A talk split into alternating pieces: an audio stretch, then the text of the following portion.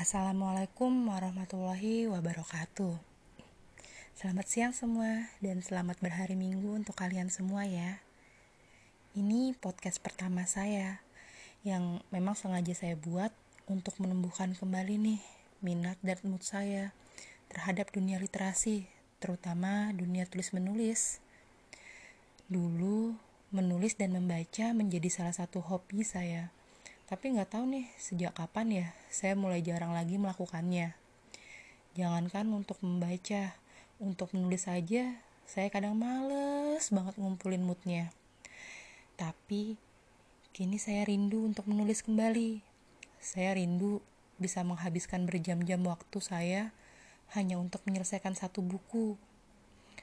Bisa menghirup aroma lembaran kertas buku baru. Pernah menjadi candu bagi saya waktu itu. Oh iya, perkenalkan, nama saya Rahayu Lestari. Saya biasa dipanggil Tari, atau kalau teman-teman yang dekat dengan saya sih, manggil saya dengan sebutan Tarbon, Tari Bontang. Nah, buat kalian semua para pendengar podcast pertama saya, monggo mau memanggil saya pakai Tari, Ayu, atau Tarbon, silahkan aja. Baik teman-teman semua, podcast pertama saya hari ini saya ingin membahas tentang salah satu novel. Novel yang sempat saya buat pada tahun 2012 lalu. Buat novel dengan jumlah halaman sebanyak 383 ini saya membutuhkan waktu kurang lebih hampir satu tahun 2010 2011 2011 kemudian saya kirimkan ke Diva Press dan alhamdulillah di ACC untuk dicetak. Dan jadilah novel pertama saya yang berjudul Azur. Jadi pada siang hari ini kita akan mengupas ya tentang novel saya novel Azur ini.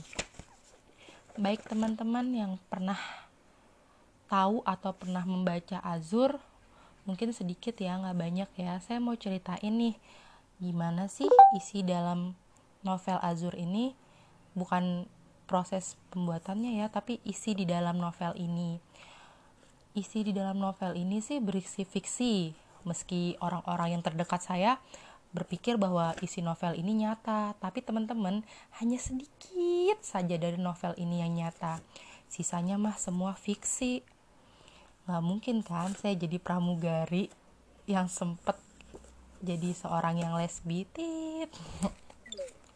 Jadi cerita di novel ini mengangkat tema cinta.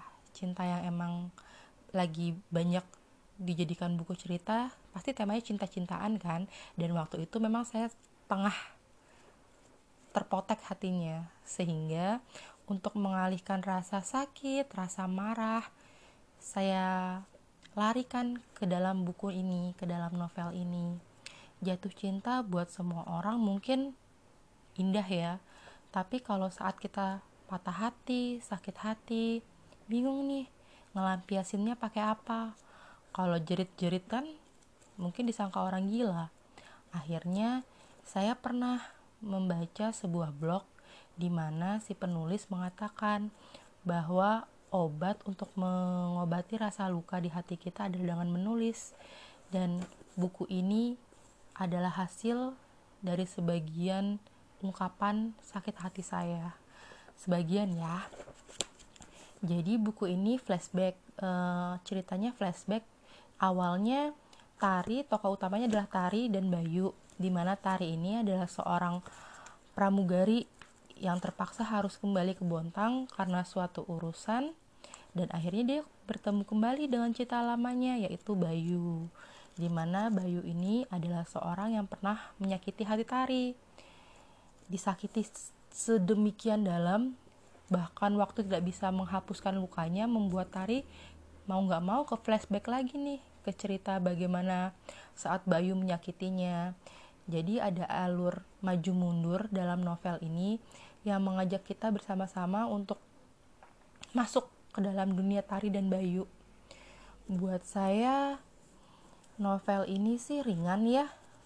Ringan dibaca meski ada beberapa kalimat bahasa Inggris di dalamnya tapi menurut saya itu udah sesuai karena suaminya Tari adalah orang Australia jadi sih alurnya menurut saya ya masih masuk aja tapi kalau ada teman-teman yang pernah membaca buku Azur dan ingin memberikan resensi tentang ini saya persilahkan ya bisa WA saya atau bisa mengirimkan email ke lestarirahayu00 at gmail.com buku ini secara singkat saya bacakan di halaman belakangnya.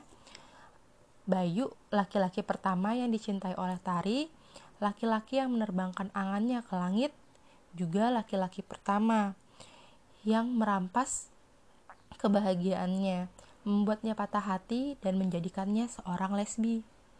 Karena Bayu, Tari melepas jilbabnya. Karena Bayu, Tari membuat murka ayahnya. Dan karena Bayu, ayah Tari terpukul sedemikian hebat hingga sang ayah tak memperhatikan ke mana dirinya berjalan, hingga sebuah mobil menabraknya.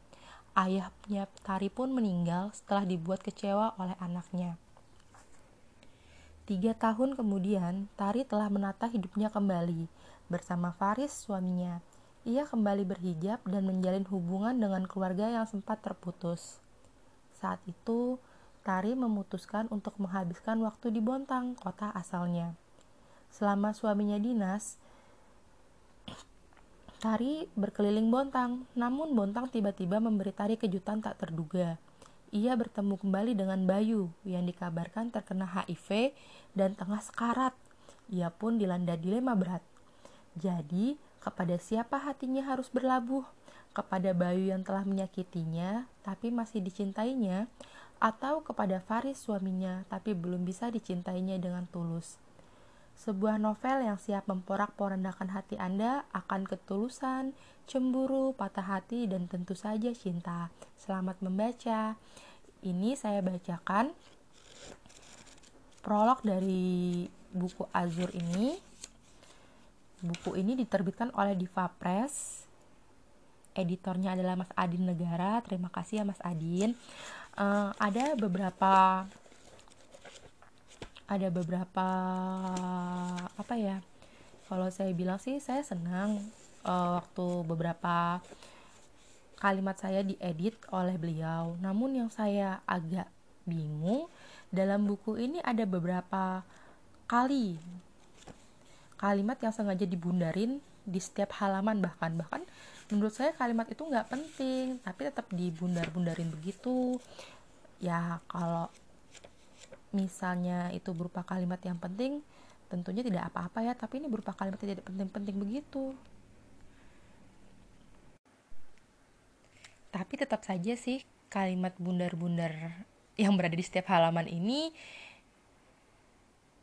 menarik perhatian saya tentunya karena hampir di setiap halaman ada bundaran dan agak mengganggu tentunya. Ya, semoga next time saya bisa kembali menulis dan menerbit menerbitkannya kembali dengan bisa melihat editan sebelum dicetaknya. Jadi ya kita menghindari aja sih yang kalimat-kalimat yang gak eye-catching gini terbundar-bundarin di setiap halaman.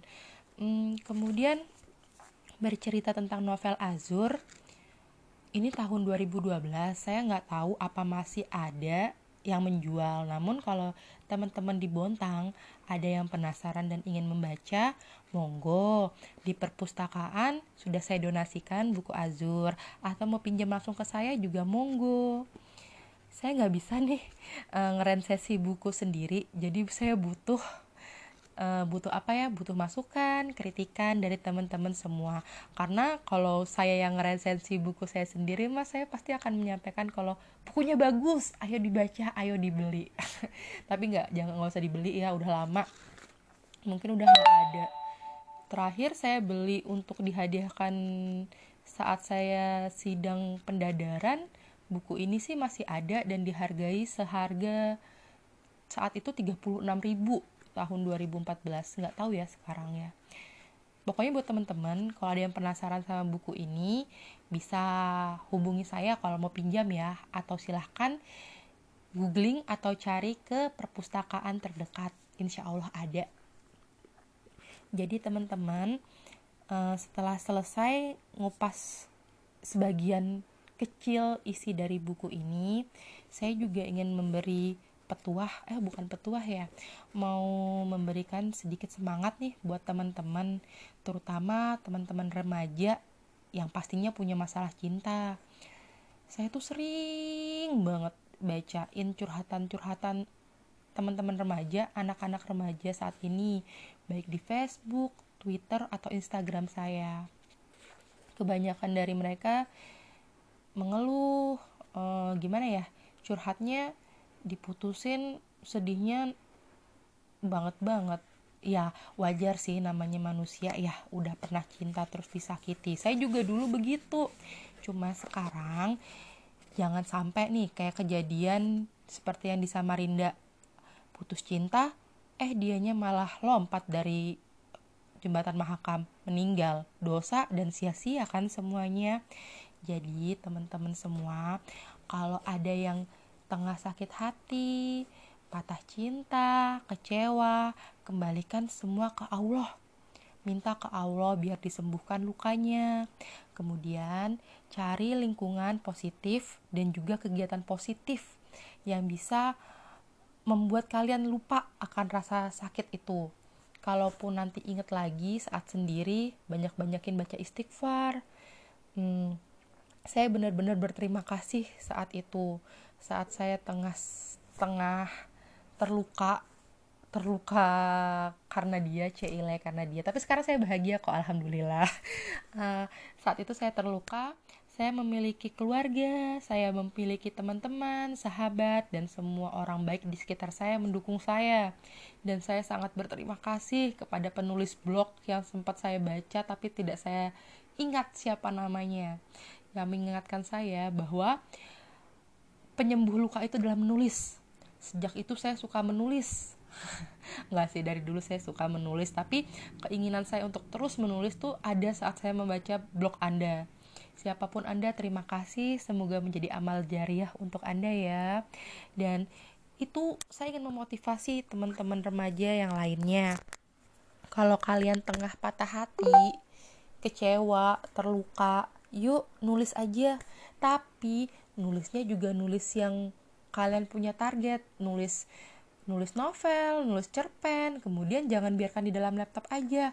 Kirim, kirim ke penerbit, kirim ke koran, ya usahain gimana caranya tulisan kalian bisa ke publish selain bisa bisa apa ya selain bisa mem membuat kita kembali percaya diri dan membuat kita bangga karena sudah bisa menghasilkan sebuah karya, tentunya kalian nanti akan senang karena pundi-pundi rupiah royalti akan mengalir ke kalian. Nah, jadi intinya siapa pun kalian di luar sana yang lagi ngedengerin podcast saya, tetap semangat ya kalian bisa kok menghadapi semua. Jangan setelah putus cinta, terluka dan kecewa kalian langsung mengurung diri, ngerutuki keadaan. Jangan. Kalian harus tetap semangat. Kalian buktikan ke dia yang pernah buat kalian terluka kalau kalian tuh lebih hebat.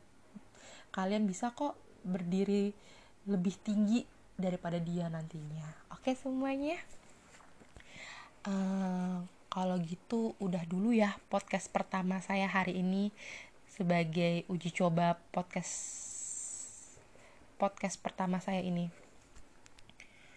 Kemudian teman-teman karena ini udah berakhir, saya mohon kritikan, saran dan siapa tahu ada yang mau ngeresensi buku saya, dipersilahkan ya kirim email ke lestarirahayu00 at gmail.com Baik teman-teman semua, terima kasih.